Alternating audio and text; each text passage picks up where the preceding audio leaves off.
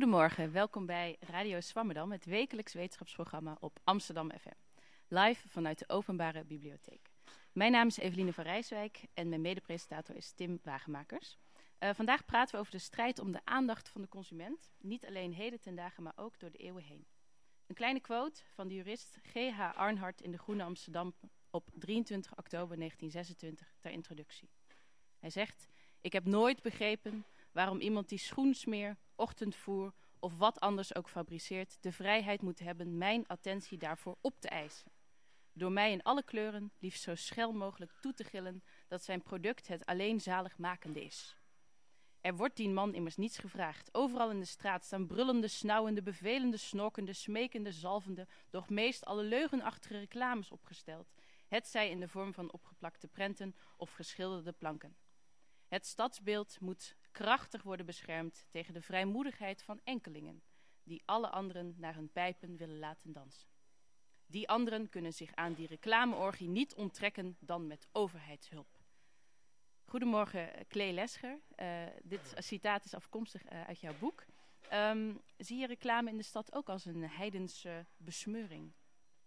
Nou, niet zozeer als een heidense besmeuring. Ik, laat zeggen, ik, was, ik ben niet heel erg groot voorstander van reclame. Maar ik ben voor 1989 een paar keer in het Oostblok geweest. En dan zie je, toen zag je steden helemaal, helemaal zonder reclame. En dan merk je toch wel dat het maakt een stadsbeeld wel levendiger en kleurrijker dan het anders zou zijn. Ja. Maar in deze periode, waar dat citaat het komt, eind van de 19e eeuw, begin 20e eeuw, toen ging het werkelijk om enorme reclamegebieden. Hele gevels die bespannen werden met reclame uh, tekens en reclame teksten en uh, grote schilderijen. En dat is toen in de jaren 30 is dat wel aangepakt. Dus hij heeft al een klein beetje zijn zin gekregen. We gaan zo uh, verder praten uh, over uh, de geschiedenis eigenlijk van, van de, het winkellandschap van Amsterdam. Naast je zit Marieke Fransen, sociaal psycholoog, um, die wat meer gaat vertellen zo over haar onderzoek naar weerstand ook tegenover reclameuitingen. Um, Marieke, voel je zelf soms ook deze weerstand tegen reclame? Um, ja. Er is op dit moment natuurlijk heel erg uh, veel reclame op straat, maar ook op televisie en op internet. En er zijn ook wel wat vormen van reclame waar je eigenlijk niet eens meer omheen kunt. En dat maakt het soms wel heel erg. Uh, zoals bijvoorbeeld op internet, als je een filmpje wil kijken, dan dan ben je verplicht om een gedeelte of de hele reclameboodschap bijvoorbeeld uh, eerst te kijken voordat je bij het filmpje uitkomt. Um, ja, dat is natuurlijk soms wel uh, frustrerend dat je daar niet uh, omheen kunt. Um, Klee, uh, we beginnen met jou ja. uh, en met jouw onderzoek. Uh, je hebt je afgelopen jaren bezig gehouden met sociale en economische geschiedenis. En ook met ja, name klopt. met Amsterdam. de stad waarmee we toch, waarbij we de associatie hebben van de wereldhandel. en toen dacht je, ik ga me bezighouden met detailhandel. Terwijl je in je voorwoord notabene schrijft... Zelf ben ik niet zo dol op boodschappen doen en winkelen. Waar komt die interesse vandaan? en wat wilde je eigenlijk ontdekken bij het bestuderen van die detailhandel? Nou, die interesse is eigenlijk een beetje tweeledig. Ik was in eerste plaats geïnteresseerd in de vraag van hoe, hoe functioneert zo'n stad? En waar zitten winkels en waar zitten bedrijven en waar wonen mensen? Om greep te krijgen op, op zo'n stad die toch eigenlijk heel complex is. Het is een heel groot complex mechanisme, dus dat was de ene insteek. En dan zijn winkels een mooie ingang, omdat daar relatief veel materiaal van bewaard is gebleven. En een andere, die is eigenlijk veel basaler, is dat ik ben zelf een kind uit de winkeliersfamilie. En ik had altijd voorgenomen om, ik moet nog een keer wat aan winkels doen. En dat is, heb ik veel te lang mee gewacht. Want mijn vader en nou goed, de familieleden die in de winkel zaten, die zijn er inmiddels allemaal niet meer. Maar ik dacht van, nou, ik moet toch gewoon een keer iets over winkels schrijven. Dus ja. dat heb ik ook gedaan. Er zit ook stiekem verstopt in het boek. zitten af en toe kleine stukjes en ook afbeeldingen van de winkel van mijn vader en grootvader. Maar Kijk. je kunt iets over winkels schrijven of meteen een heel uh, lijvig boekwerk ervan maken. Ja. Dat is, dat is meer dan alleen... Dat is waar. Mijn ouders zijn winkelier geweest, ja. Het begon met één artikel. En toen dacht ik van, dat was een artikel over het midden van de 18e eeuw. Toen dacht ik van, god, eigenlijk gebeuren natuurlijk een hele hoop leuke dingen die gebeuren daarvoor en daarna. En op een gegeven moment gaat zo'n project met jezelf aan de loop. En dan wordt het veel groter dan ooit de bedoeling was. Maar ik heb er geen spijt van, uiteindelijk. En dan besluit je om zo'n groot project aan te gaan. Uh, hoe zat het met de bronnen? Uh, waar haal je informatie vandaan om, om zo'n schets te maken van toch ruim 4,5 eeuw uh, winkellandschap in Amsterdam? Ja. Nou, ik had natuurlijk al, omdat ik uh, me bezig heb gehouden met groothandel, met uh, internationale handel, had ik natuurlijk al goed idee van de bronnen die er zijn voor Amsterdam. En ik zit natuurlijk al, eindeloos lang in dat stadsarchief hier, dus ik, ik ken de bronnen vrij goed. En ik wist ook dat er uh, boedelinventarissen waren, zijn, Dus dat zijn inventarissen van mensen, de bezittingen van mensen na hun faillissement. En ik wist dat er ook heel veel winkeliers tussen zaten. En die boelinventarissen die nemen je gewoon echt mee van kamer tot kamer door een, een huis en een winkel. En daar wordt gewoon precies beschreven wat er allemaal staat en wat er allemaal ligt. Dus dan krijg je een heel goed idee van hoe zo'n winkel er eigenlijk uitgezien heeft. Want we hebben bijna geen afbeeldingen daarvan. Dus het bestaan van die bronnen wist ik. Dus ik dacht van nou, daar moet ik nou ook maar gewoon even doorpakken. En dan en aan de slag ermee, zeg maar. Ja. Um, je hebt dus ook onderzoek gedaan naar de locaties van, uh, van straten. Zijn daar grote verschuivingen in? Of uh, ging men in de 17e eeuw ook al lekker naar de Kalverstraat? Nou, de, eigenlijk zijn er geen grote verschuivingen. Behalve ja. één. En ja? dat is precies in de 17e eeuw. En dat heeft precies met de Kalverstraat te maken. Oké. De, de winkelstraat in de eerste helft van de 17e eeuw. En dat is eigenlijk tot, tot 1660, 1670. Is de, is de Warmoestraat. Dat is de belangrijke winkelstraat. En dan zie je in de, in de loop van de 17e eeuw. Dan wordt Amsterdam uh, uitgebreid. En die uitbreiding, die stadsuitbreiding is vooral aan de westkant van de stad. En dan komt de, Kalver, de Warmoestraat, die aan de oostkant van de stad ligt. Die ligt eigenlijk dan heel um, buiten, het, uh, buiten de aanlooproute, zeg maar. En vanuit de grachtengordel loop je het makkelijkste naar de Dam via de Kalverstraat. En dan zie je dat de Kalverstraat een winkelstraat wordt. Dan verdwijnt ook de, de Kalvermarkt uit de Kalverstraat. Want die heeft natuurlijk niet voor niks Kalverstraat. En dan zie je dat mensen door de Kalverstraat naar de Dam lopen. Want daar staat de beurs, daar staat het stadhuis, daar staat de Nieuwe Kerk. Dus dan zie je in de 17e eeuw wordt de Kalverstraat de winkelstraat van Amsterdam. En wat gebeurt er dan met de Warmoestraat? Die... De Warmoestraat die gaat dan een periode in van uh, achteruitgang. Daar blijven wel wat winkels, maar het is niet meer een hele dynamische straat. En eigenlijk is de Warmoestraat pas de afgelopen decennia weer uh, redelijk opge, opgeklauterd. Ja. Er komen in de Warmoestraat veel logementen en zo. Want het ligt natuurlijk wel heel dicht bij de haven. Dus er zitten veel uh, logementen, tapperijen, dat soort dingen. En welke factoren bepalen nou de, de locatie van die detailhandelactiviteiten? Ik bedoel, kan natuurlijk zeggen aanlooproutes. Wat zijn andere factoren die meespelen? Eigenlijk is de belangrijkste, uh, toch de belangrijkste factor is hoe een, een straat ligt in dat hele netwerk van straten in zo'n stad. Dus hoe makkelijk daar mensen doorheen lopen. En als er eenmaal veel mensen doorheen lopen, dan vestigen ze daar winkels. En als er dan eenmaal winkels zitten, dan vestigen zich daar meer winkels. En dan zie je zo'n proces dat het eigenlijk zichzelf versterkt. En het gaat eigenlijk alleen maar fout als er hele rigoureuze ingrepen zijn in dat, in dat stratennetwerk. En die zijn er in Amsterdam niet. Hè. Amsterdam is niet gebombardeerd, is nooit platgeschoten. Het Centraal Station is eigenlijk precies neergelegd op de plaats waar vroeger de mensen met een, uh, met, per schip zeg maar, de, de stad binnenkwamen. Dus er is in Amsterdam een hele grote mate van continuïteit die je bijvoorbeeld in Antwerpen niet heeft, hebt. Daar hebben ze het station aan de andere kant van de stad neergelegd. En dan zie je dus dat de maire, die loopt eigenlijk vanaf wat toen de rand van de stad was naar het centrum. En het oude centrum is heel lang in verval geraakt. Nou, dat is in Amsterdam niet het geval. Um, mooi aan je boek is, uh, zijn de veelvuldige uh, uh, af, afbeeldingen hè, van winkels door de eeuwen heen. Um, kan je schetsen hoe dat winkellandschap visueel verandert? Als we bijvoorbeeld kijken naar wat je het exterieur noemt hè, van ja. winkels. Um, als we kijken naar de 17e eeuw tot aan nu, wat zijn eigenlijk de grote veranderingen uh, in hoe die winkelstraten eruit zien? En hoe proberen ze ook de aandacht van de consument te trekken? Ja. Eigenlijk is de, de grote verandering is van dat winkels in eerste instantie alles voor de deur neerzetten. Dus dat het veel meer een marktkraamachtig idee is. Daarna in de loop van de 18e eeuw, 19e eeuw zie je dat winkels zich helemaal achter de gevel terugtrekken. Dus het afgesloten en dan komt er een etalage, dan worden etalages ook belangrijk. En na de Tweede Wereldoorlog zie je eigenlijk weer de trend terug. Dat het wordt steeds open, etalages worden open, deuren staan open. Dus is een soort golfbeweging van heel open naar gesloten, naar weer heel open. En wat verklaart die beweging? In die vroege periode is het gewoon domweg omdat die, die, het voorhuis waar de winkel in, zich in bevindt, is gewoon te donker. De, er zijn kleine raampjes met glas en lood erin, dus weinig licht binnen. Uh, ver, kunstverlichting is er niet of heel duur. Dus dat betekent dat je moet, om aandacht te trekken, moet je voor de deur je spullen neerzetten. En dan vaak ook vindt de verkoop voor de deur plaats. En soms ook uh, in de winkel, maar je moet de dingen kunnen zien in het daglicht.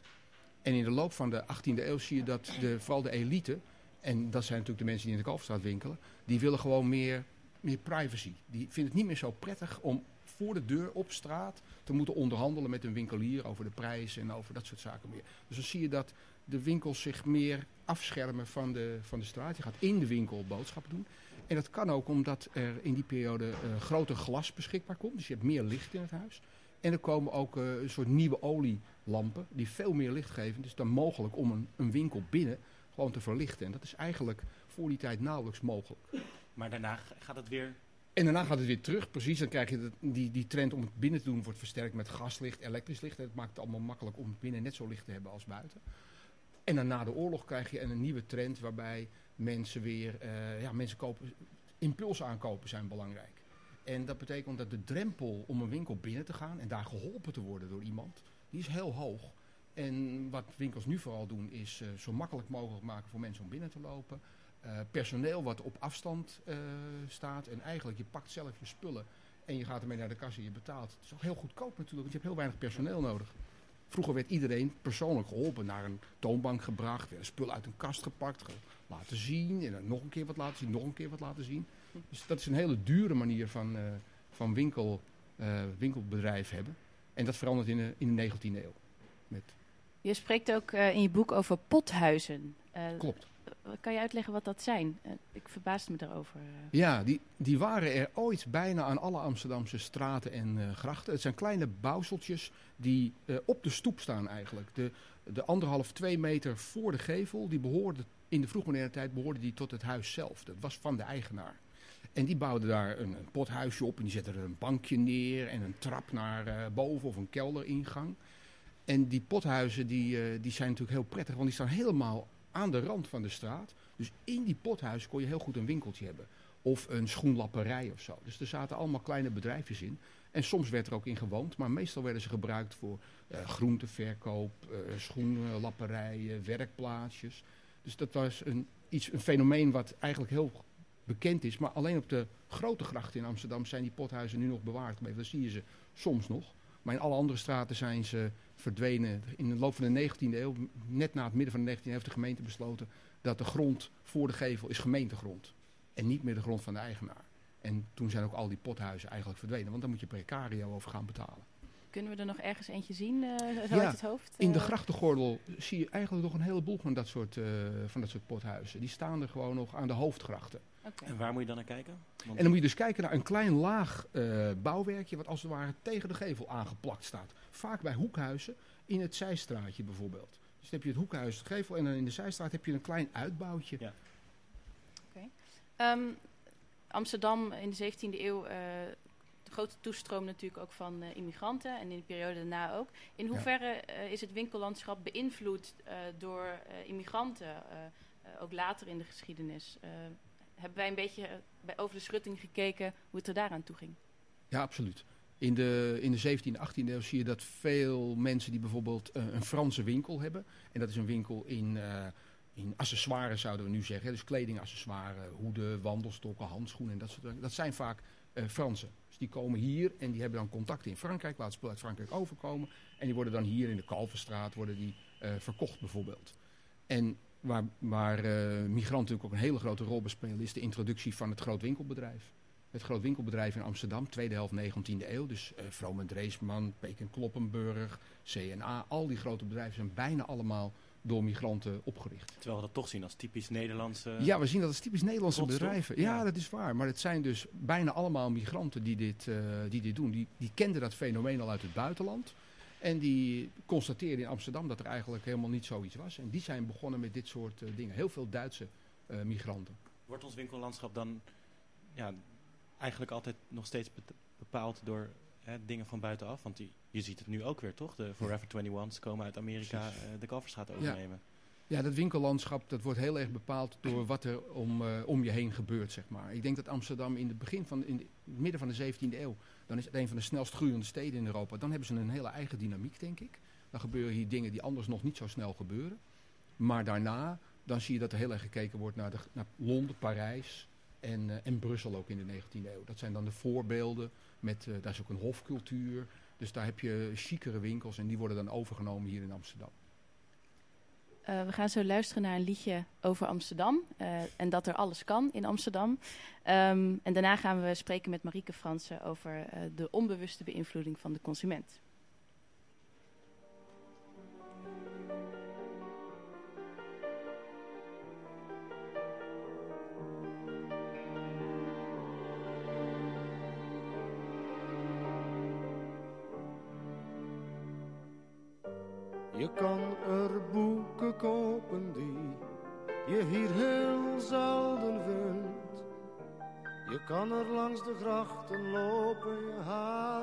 In de wind.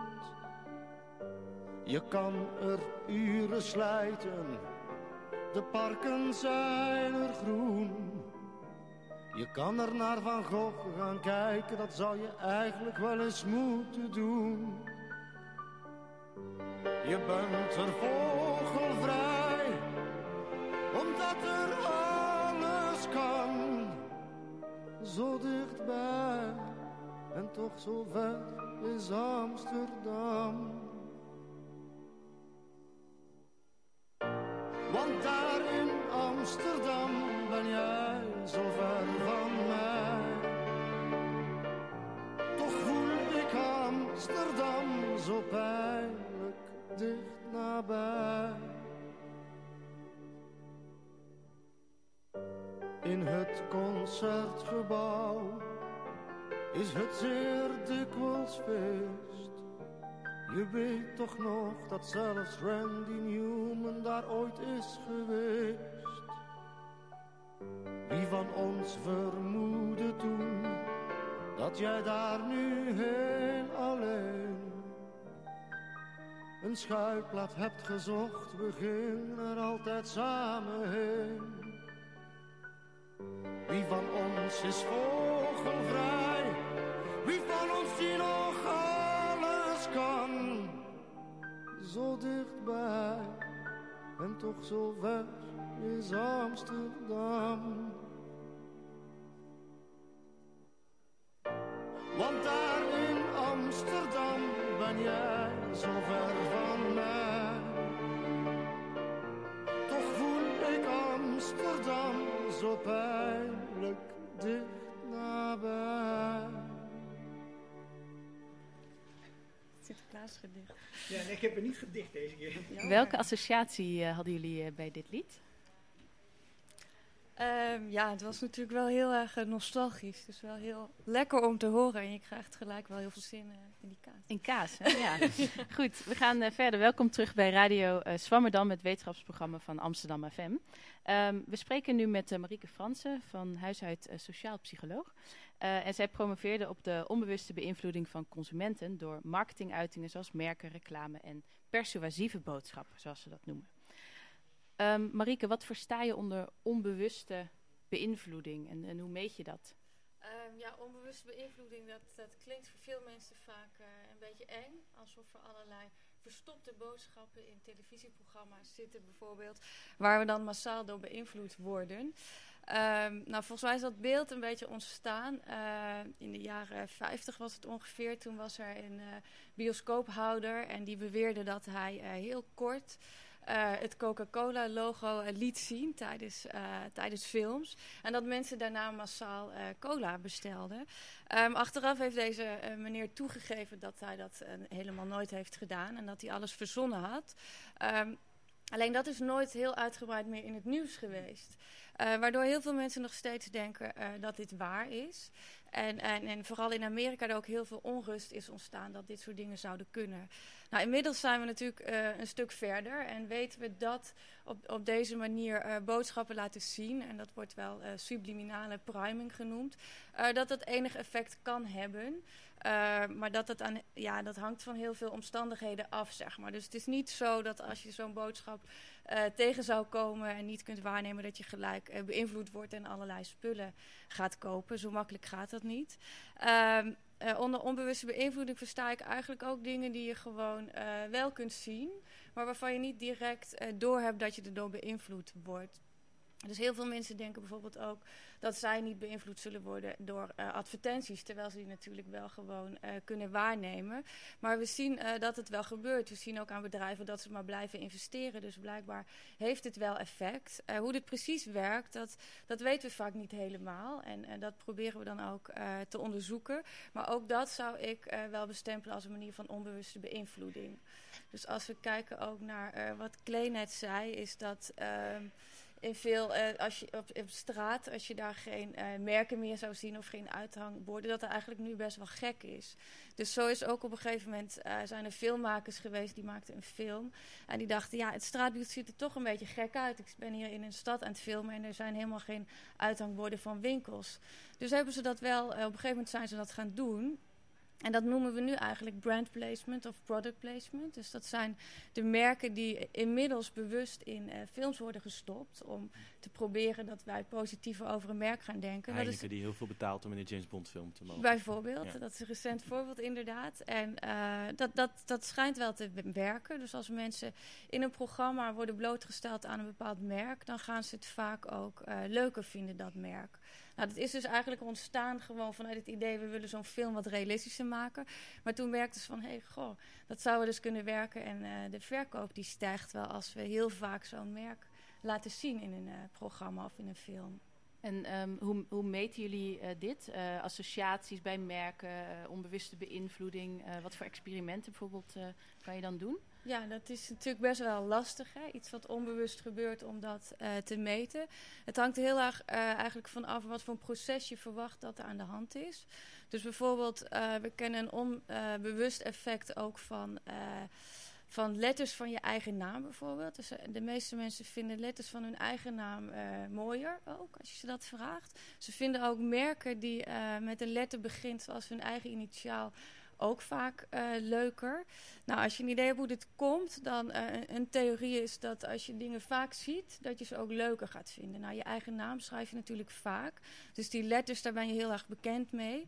En eh, om dit dan te meten, kan je bijvoorbeeld mensen taakjes laten doen door ze allerlei merken met hun eigen letters daarin te laten zien. En dan zie je ook dat mensen dit soort ehm, merken sneller herkennen als zijnde een merk, als zijnde een bestaand woord.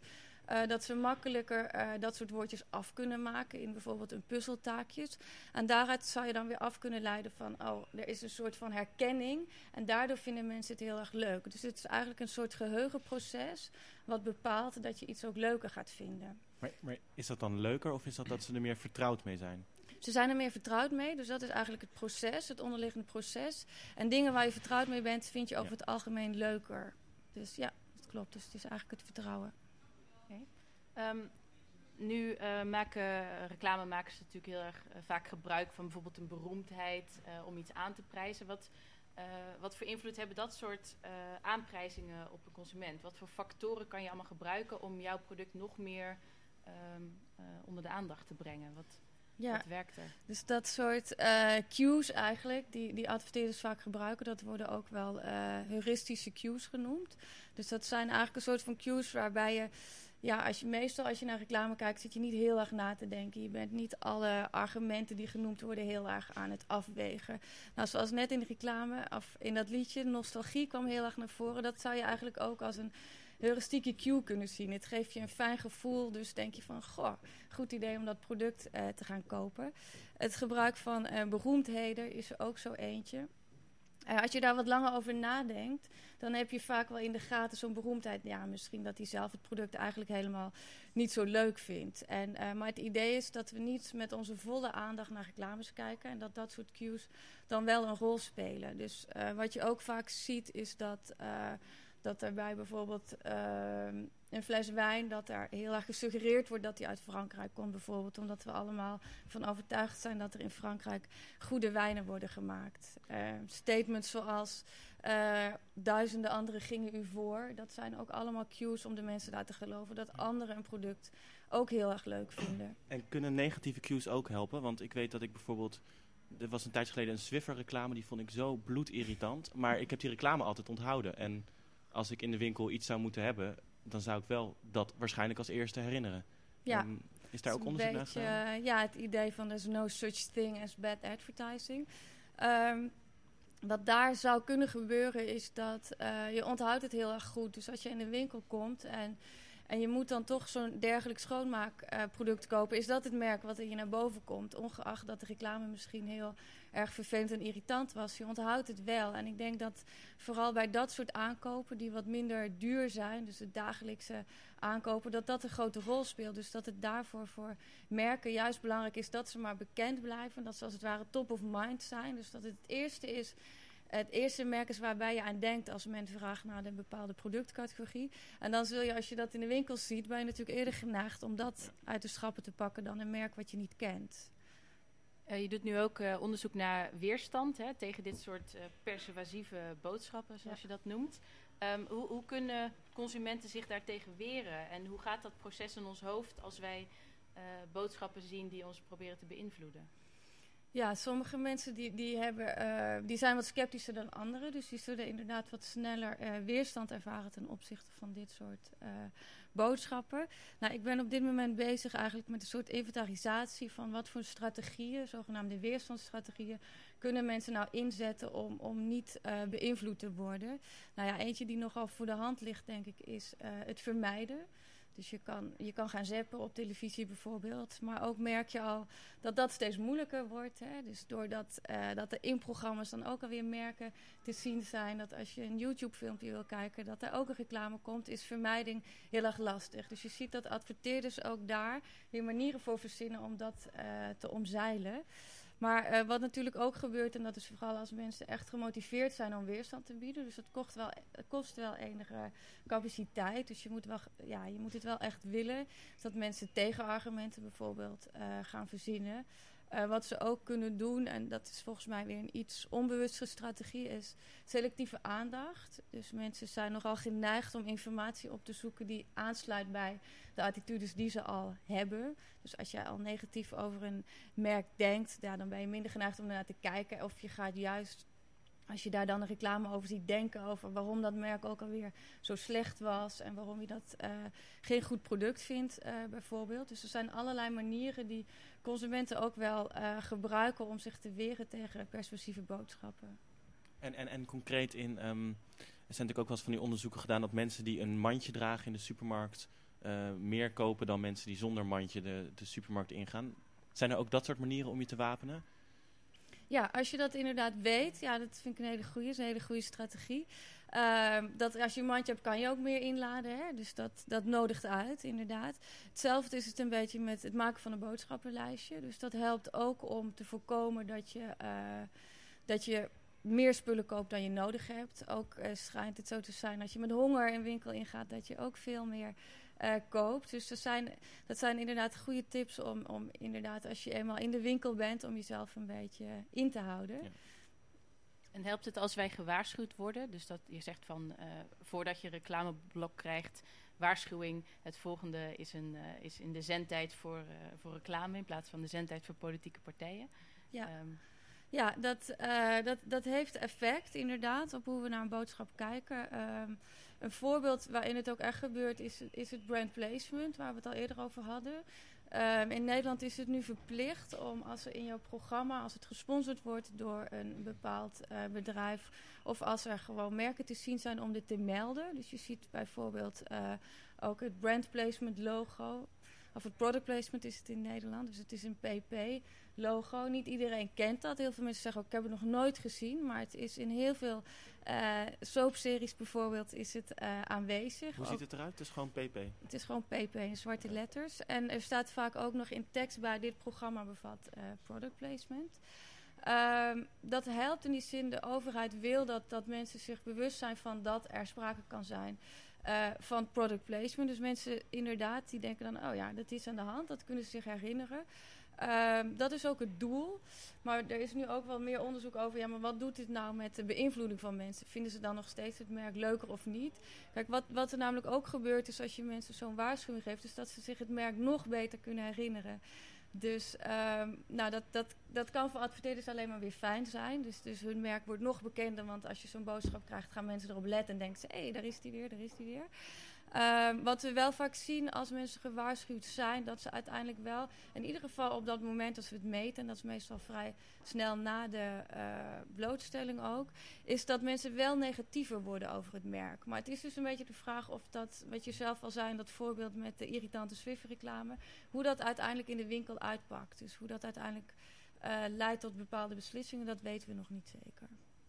Gaan we nu luisteren naar een liedje waar een eh, dame ook eh, weerstand biedt tegen iets.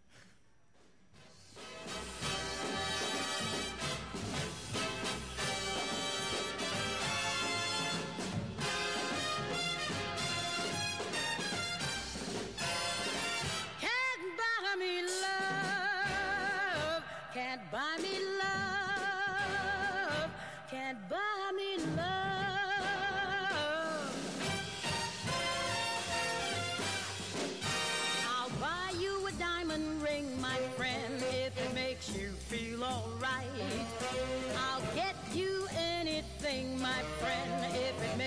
feel alright. For I don't care too much for money, for money can't buy me love. I'll give you all I've got to give if you say you love me too. I may not have a lot to give, but what I've got I'll give to you.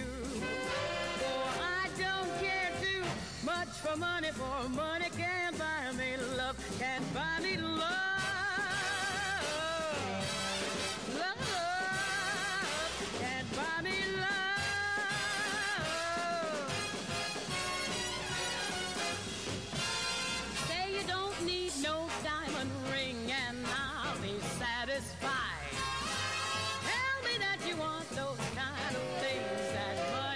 just can't buy.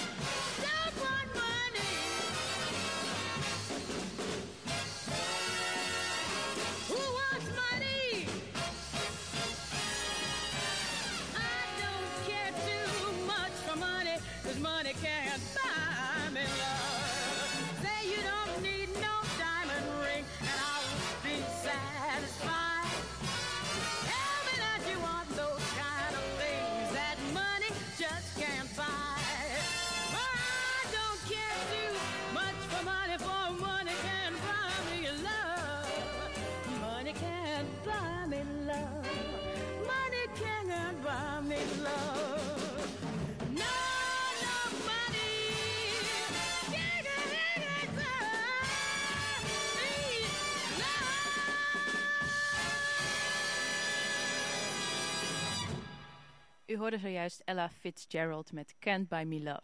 Eh, en dan is nu tijd voor onze columnist, Sikko de Knecht, pro- promovendus in de neurowetenschappen. Ehm aan jou het woord. Goedemorgen. Op mijn werkkamer staat sinds kort een typemachine. Hij is van het merk Underwood en het serienummer op de zijkant verklapte mij na een lange zoektocht op het internet dat hij uit juni 1947 is.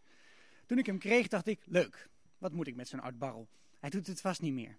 Nou, zelden had ik het zo erg bij het verkeerde eind. Hij doet het prima. Het is een zwaar en robuust apparaat en alle toetsen doen het als een zonnetje. Ah, behalve als het heel koud is, dat vindt hij niet zo leuk. En na wat puzzelen kwam ik erachter waar alle palletjes voor zijn. Hè. Dat waren natuurlijk de backspace, de tab, de regelafstand en de kapslok. Dus een nieuw lint gekocht en sinds kort schrijf ik mijn brieven en columns met een zware, zware zwarte typemachine. En dit zette mij aan het denken. Als dit apparaat uit de vorige eeuw het nog zo voorbeeldig doet, hoe zou het dan uitpakken met de apparaten, apparaten die wij heden ten dagen gebruiken? Mijn iPod Mini uit 2006 heeft momenteel een batterijduur van ergens in de buurt van een liedje. En in mijn straat staan geen auto's van meer dan 15 jaar oud. Het lijkt er gewoon niet meer op gemaakt. En dat kan ook kloppen. Het moet ergens in de jaren 50 zijn geweest dat ze bij de grote Amerikaanse autofabrikanten hebben bedacht om het eens even helemaal anders aan te pakken. En een jongen bij de verkoopafdeling kreeg het lumineuze idee om met de Cadillac hetzelfde te doen als met de wintermode. Namelijk elk jaar een nieuw modelletje. En zo verleid je, de, verleid je de klant om zijn tussen haakjes oude auto weg te doen en een nieuwe aan te schaffen. Ook al deed het oude beestje het nog prima. Dit noemen we creatieve vernietiging. En het is een van de grootste drijfveren achter technologische vooruitgang en ook achter de economie zoals wij hem kennen.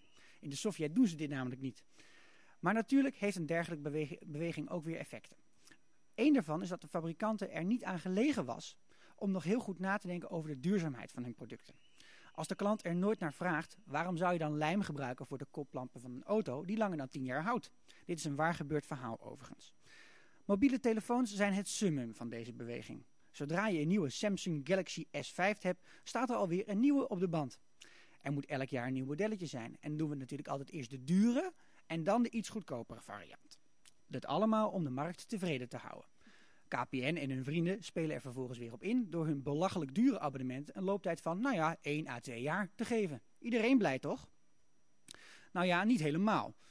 En er is iets waar ik me serieus zorgen over maak. Mensen durven dingen niet meer te repareren. Is een televisie stuk? Nou, dan koop je een nieuwe. Is je telefoon gevallen? Nou, laat me zitten, over drie maanden heb ik een nieuw abonnement. Bovendien kom je toch niet aan de binnenkant van je tablet, want er zitten allemaal rare schroefjes en ik heb daar geen draaiers voor. En dit is het probleem. Wij zijn collectief bezig om technisch analfabeet te worden. De meeste van ons hebben nog wel geleerd hoe je een stekker in elkaar zet op de middelbare school, maar veel verder gaat het niet. De monitor van een pc zou aan de binnenkant net zo goed elfjes kunnen hebben als chips. Het is voor ons om het even. Dus laat staan dat we het kunnen repareren. Daarom doe ik vandaag een oproep. De volgende keer dat er iets in huis kapot gaat, maak het dan eerst eens een keertje open. Negeer die stomme sticker van de fabrikant dat je op die manier je garantie verspeelt, want ze gaan je toch niet helpen. Ruk de achterkant van je mobieltje open en ontdek dat daar een opgezwollen batterij zit. Sla eens een keer hard op je Xbox 360 om te horen dat er iets rammelt aan de binnenkant. Er zijn honderden sites op het internet waar je je probleem aan voor kunt leggen.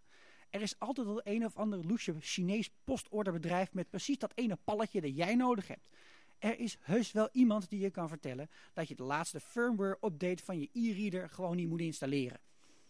Je bent veel handiger dan je denkt. En ik zeg het niet uit boosheid op al die bedrijven en fabrikanten.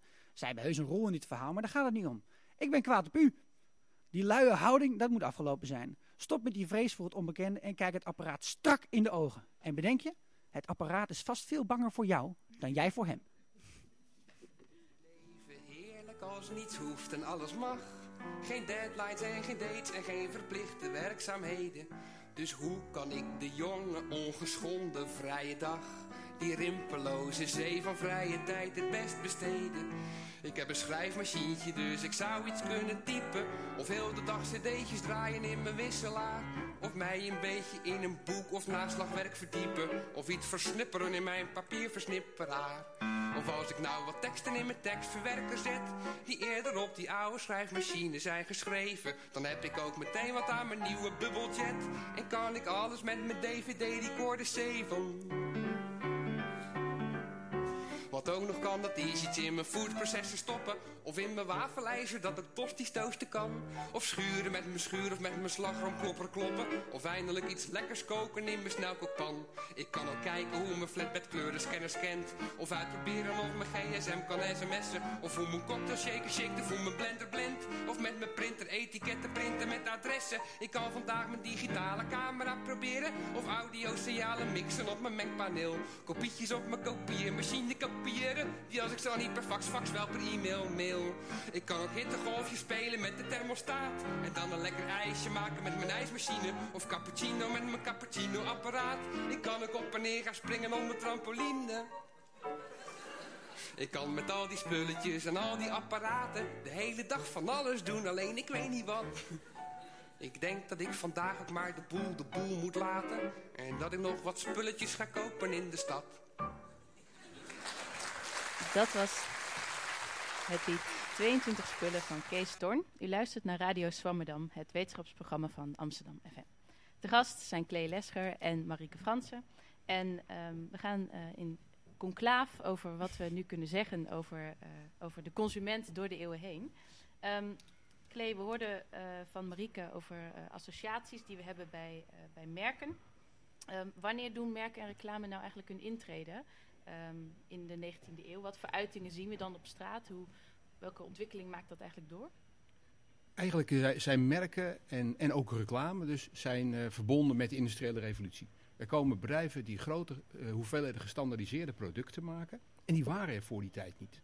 En op het moment dat ze dat doen, dan hebben ze het probleem dat winkeliers eigenlijk niet zo'n zin hebben om die merkartikelen aan te bevelen. Want die winkelier die heeft ook nog een heleboel andere merken en waarom zou die zijn best doen om dat te doen? En dan besluiten die bedrijven om rechtstreeks de consument te gaan benaderen met reclame over hun eh, merkartikelen. En dat doen ze dan bijvoorbeeld in de krant. Dat is een heel eh, een bekend eh, medium. Dat is tegen die, in die tijd ook goedkoper geworden dan het ooit was. En er zijn meer mensen die kunnen lezen en schrijven. En dan krijg je ook die befaamde buitenreclame waar we het zojuist over gehad hebben. Dus dan krijg je dat de fabrikanten die gaan reclame maken. En na verloop van tijd wordt de functie van de winkelier dus ook uitgehold. Want vroeger was de winkelier iemand die stelde zelf producten samen. Een kruidenier bijvoorbeeld, die maakte zelf zijn verpakkingen met een mengsel van allerlei bonen, grutten, erwten, et cetera. Nou, dat houdt allemaal op. Het wordt allemaal voorverpakt. En dat is aan de ene kant heel vervelend voor de winkelier, maar het maakt het wel ook veel goedkoper. Want dat betekent dat je goedkoop jonger personeel kunt inzetten. De kwaliteit van het product is gegarandeerd door de fabriek. De fabriek die maakt ook reclame. En het personeel hoeft eigenlijk alleen maar aan te pakken en eh, af te rekenen. En eh, dat is het. De winkelier is geen expert meer, maar een soort Winkeliers, doorgeef. eh, ja, het is gewoon eigenlijk een doorgeefluik. En daarom zie je ook dat er steeds jonger personeel in winkels staat. Dat kan omdat ze eigenlijk niets meer hoeven te weten over wat ze verkopen. Ehm Marieke, voor de uitzending spraken we al even over dat er nu de verpakkingsloze eh, winkels eh, gaan komen. Dat is eh, de doodsteek voor de reclame, of niet? Nou, het is wel interessant omdat natuurlijk verpakkingen en, en hoe die eruit zien, hebben ook invloed op de consument. Dus als je in de winkel staat, dan ja, bepaalde merken zijn heel erg herkenbaar. Dus die zie je meteen. Als inderdaad straks, als het een beetje doorzet, dat we geen verpakkingen meer hebben in de winkels, dan, dan ontstaat er misschien wel een heel ander beeld. Omdat je niet meer direct naar je eh, favoriete merk toe loopt, maar dat je toch eens wat andere dingen ook overweegt. Misschien makkelijk. Dus ik ben wel, ja, ik vind het wel heel interessant hoe dat uiteindelijk eh, uit gaat pakken. En ook, eh, ik ben er zelf nog niet geweest, maar ik weet ook niet of, of er nog merken überhaupt herkenbaar zijn in dit soort winkels. Dus dat is ook een beetje de vraag. Maar dan wordt de, merk, de winkel wordt dan ook het merk, toch?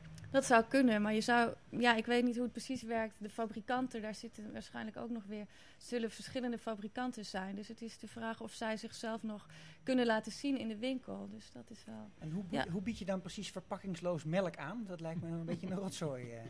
Ik, ik, ik heb geen idee hoe ze dat eh, doen. Ik, ik, ik geloof dat het daar, eh, dat je je eigen eh, kannetjes of Oh, flessen zo, mee kunt nemen. ja. En dat je als het ware aftapt, zoals je dat nu al soms ziet voor, bij de verse d'orange. Ja. Dus je, je- ja, je, het is misschien eh, ook wel heel goed voor het milieu. Al weet ik niet precies als je al die potjes dan weer schoon moet gaan maken, hoe dat uiteindelijk eh, uitpakt. Ja. Maar dat is het idee. Ehm, en, en nu eh, de, het advies, de beïnvloeding die je vroeger had, eh, doordat je, je ging naar een winkel en daar stond iemand achter een toonbank en die vertelde je van, nou, je kan dit product of dat product. Ehm, die laag is er tussenuit gehaald, hè. het is allemaal zelfbediening.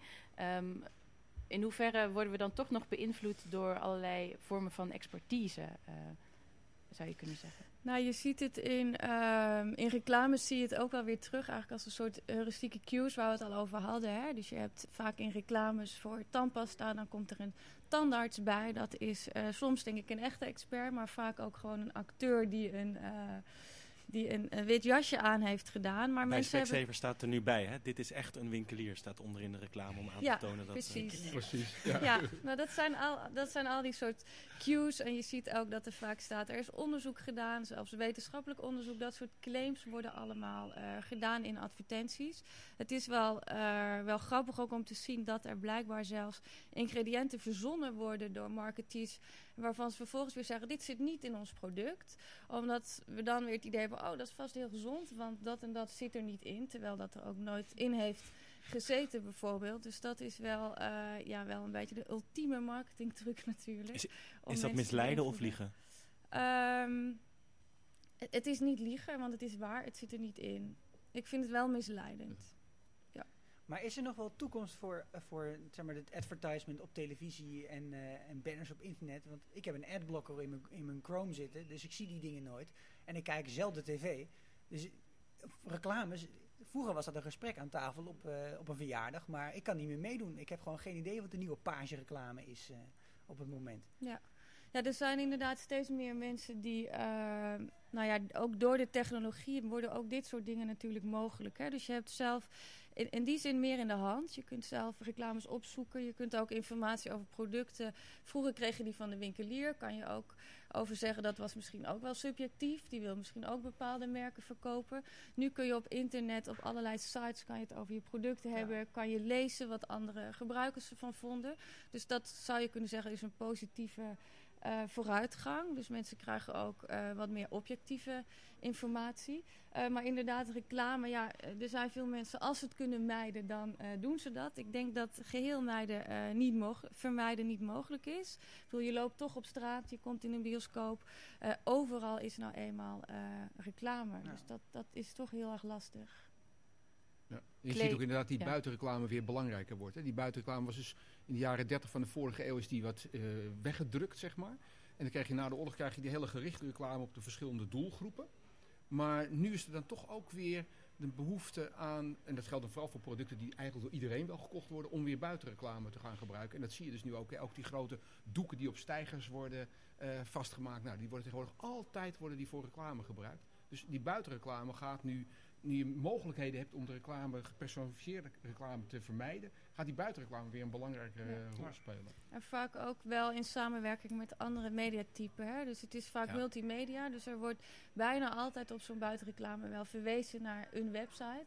En het idee is natuurlijk dat mensen daar dan naartoe gaan om weer meer informatie te krijgen en eventueel het product zelfs aan te schaffen. Eh Clay, als je op een gegeven moment die reclame krijgt, hè, eind 19e eeuw, begin 20e eeuw, en die buitenreclame. ehm, in hoeverre zijn eh, eh, eh, winkeliers op de hoogte van de laatste trends in de psychologie? Ik bedoel, vandaag de dag eh, worden er miljoenen uitgegeven aan reclame. Marketingbureaus lezen ook onderzoeken van eh, Marieke Fransen. Ehm, maar wat wist de winkelier in de, in de 20e eeuw over, over psychologie en beïnvloeding van, van mensen? Dat wordt in de 20e eeuw een nieuwe bedrijfstak. Dus in eerste instantie weten winkeliers daar niet zoveel over, behalve dan de, de algemene standaard eh, dingen, weet je, voldoende verlichting in je etalage, nou ja, dat soort dingen. Maar in de loop van de 20e eeuw zie je, en dat gebeurt in Duitsland en de Verenigde Staten gebeurt dat vrij vroeg, dan zie je dat daar een, nieuwe groep mensen opkomt die zich bezighouden met, met reclame en hoe je winkels moet inrichten en wat de, de looprichting is in winkels. Hè. We lopen nooit zomaar toevallig een winkel door. We worden gestuurd door een supermarkt en door de IKEA, omdat ze ons bepaalde dingen willen laten zien. En dat zie je, dat wordt gewoon echt een bedrijfstak die zich daarmee bezig gaat houden. En er ontstaan ook eh, in de jaren 20, heb je ook in Nederland, jaren 20, 30, heb je allemaal boekjes voor eh, winkeliers. Van hoe pak ik dit aan en eh, wat voor soort muziek moet ik spelen? Is het goed dat een winkel heel stil is of moet er juist altijd geluid zijn? Nou, volgens Amerikaanse eh, specialisten moet er altijd achtergrondgeluid zijn. Want mensen voelen zich heel ongemakkelijk als het heel stil is. Dus of dat nou een airco is die staat te zoomen of een beetje muziek, dat maakt niet uit. Maar er moet wel wat geluid zijn. En, en bij jongere winkels moet de muziek keihard. En bij jongere winkels moet de muziek, en dat is na de oorlog, nou, is dat natuurlijk, daar moet de muziek eh, heel hard, want dat sluit ontzettend goed aan bij hun cultuur. Maar die routes ook. Eh, die IKEA is een notoir voorbeeld natuurlijk van een route. Die heeft zelfs pijlen op de grond. En als je een beetje als je ingewijd bent, IKEA Family, dan weet je ook wat de sluiproutes zijn. Maar laatst is mijn moeder dus in Utrecht bij de die IKEA die aan het verbouwen is, zeg maar. En die is gewoon twee uur verdwaald geweest. Die kwam, die kwam er niet meer uit. Dus die wil nou niet meer naar de IKEA. Dus die, die hebben het helemaal verpest. En Maar de ik- IKEA doet het natuurlijk heel expliciet. Hè? Ja, die hebben gewoon pijlen. Maar er zijn heel veel winkels die het veel implicieter doen... door, door waar de roltrap bijvoorbeeld staat... en waar welk type Aflopende product staat. Ja. Ja. Maar ik vind het wel interessant, ook, ook aansluit op Evelien, wat, wat er dan veranderd is. Ehm, het, het lijkt ook veel meer dat het marketing een, een soort ervaring moet geven. Het is niet langer het product, maar kom naar markt met een Q voor je Ja. biologische Ja. boodschappen. Kom Ja. bij ons proeven, kijken, luisteren. Ja. Het is niet alleen Ja. maar één product. Is dat een trend of is dat iets wat altijd al was? Nee, dat is, dat is natuurlijk iets wat gebeurt op het moment dat producten eigenlijk steeds meer op elkaar gaan lijken. Ja. In de jaren 60 zijn er eh, mensen die zeggen van kijk, eh, er komt een moment dan lijken alle producten zoveel op elkaar, dan heeft het geen zin meer om reclame te maken. En het grappige is dat het omgekeerde is gebeurd. Producten lijken heel erg op elkaar. Het maakt niet zoveel uit waar jij jouw polo koopt, eh, als je gewoon kijkt naar de kwaliteit van het product. En dus wordt het heel belangrijk, het merk. En dan zie je vanaf de jaren 60 die merken steeds belangrijker worden. Want dan moet er een, gevoel geëtaleerd worden, een emotie. En dat moet dan dat, dat specifieke product bijzonder maken. En anders dan al die andere producten die er eigenlijk sprekend op lijken. Ehm, nog misschien ter afsluiting. eh, gisteren las ik een artikel in de Volkskrant over het feit dat eh, bedrijven zoals Max, Halford, Siebel, Schoenenreus... ik ben even reclame aan het maken, maar het mag niet meer baten. Ehm, die zijn allemaal omgevallen. het is voorbij. Eh, en, en daar worden allerlei verklaringen gegeven dat ze niet meegegaan zijn eh, met internet... eh, niet goed eh, aan hun imago hebben gewerkt. Prijsstrategie, ja, dat ze te veel in het midden zijn gaan zitten. Je kan weten of veel luxe of een prijsvechter zijn. Ehm, of, of de organisatie eh, ja, te veel op kleine schaal. Wat zouden jullie vanuit jullie achtergrond ehm, aan, als adviezen meegeven aan, aan dit soort bedrijven? Ja, die is wel eh, heel erg lastig, omdat het natuurlijk wel heel moeilijk is om nou echt één specifieke reden aan te wijzen. En, en je ziet wel dat het bij steeds meer eh, merken gebeurt. Hè? Dus dat ze, ehm, er zijn er misschien ook gewoon simpelweg te veel in dat. eh, in, in, in het midden. Dus te veel merken die eigenlijk ongeveer hetzelfde doen. En het is natuurlijk heel interessant, ook vanuit een marketingperspectief, om eens te kijken, nou, hoe hebben ze dat nou verschillend aangepakt? En zou je daar een oorzaak ook echt in kunnen vinden? Ik, ik kan zo niet direct iets noemen van, goh, dat hebben ze echt eh, verkeerd gedaan. Dus ik denk dat het heel veel factoren samen zijn die... Dat Clay, artikel, een eh, historische... Ja, nou ja, wat je, wat je wel ziet is dat het, de zaken die failliet zijn, zijn vaak wat meer kleurloze eh, bedrijven, zeg maar. En wat het heel goed doen, zijn eh, gespecialiseerde zaken. Die een heel duidelijke uitstraling hebben, die een bepaald publiek eh, heel erg aanspreken. Die doen het eigenlijk wel De goed. echte detailhandel De- eigenlijk. Eigenlijk de Ja. echte detailhandel. Het grappige is dat die het op dit moment eigenlijk heel goed doet. En juist die brede bedrijven, ja, die hebben moeite. Maar dan komen Goed. onze traditionele, hè, waar we mee begonnen, dit uur, Peek en Kloppenburg, Vroom en Dreesman, die, die komen dan in gevaar. Die, Want dat zijn bij uitstek de die komen in gevaar. De en- warenhuizen. Ja, de, de, de grote algemene warenhuizen is een, is een problematische aangelegenheid. Dat is V&D natuurlijk ook al jarenlang. En de Bijenkorf, die zich helemaal op het topsegment en vooral op toeristen natuurlijk ook richt, die doet het eigenlijk heel goed. de, toch eh, de overwinning van de detailhandel. Ehm, we zijn aan het einde gekomen van Radio Swammerdam, het wetenschapsprogramma van Amsterdam FM. Eh, ik dank mijn gasten, eh, medepresentator, de columnist en natuurlijk de techniek. Ehm, volgende week spreekt Luc X hier met eh, wetenschappers over het onderwerp Big Data. Eh, erg spannend. Eh, u kunt deze aflevering natuurlijk terugluisteren via Facebook. We wensen u een fijne zondag en mocht u nog Sinterklaas gaan vinden, vieren. We hopen dat u uw cadeautjes heeft kunnen vinden. Dit is U2 met I Still Haven't Found What I'm Looking For.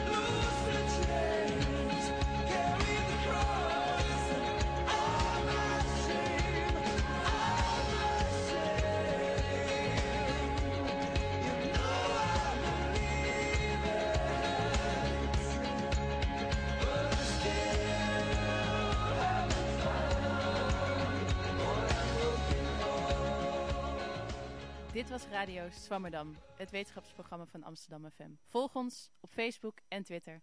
Tot volgende week.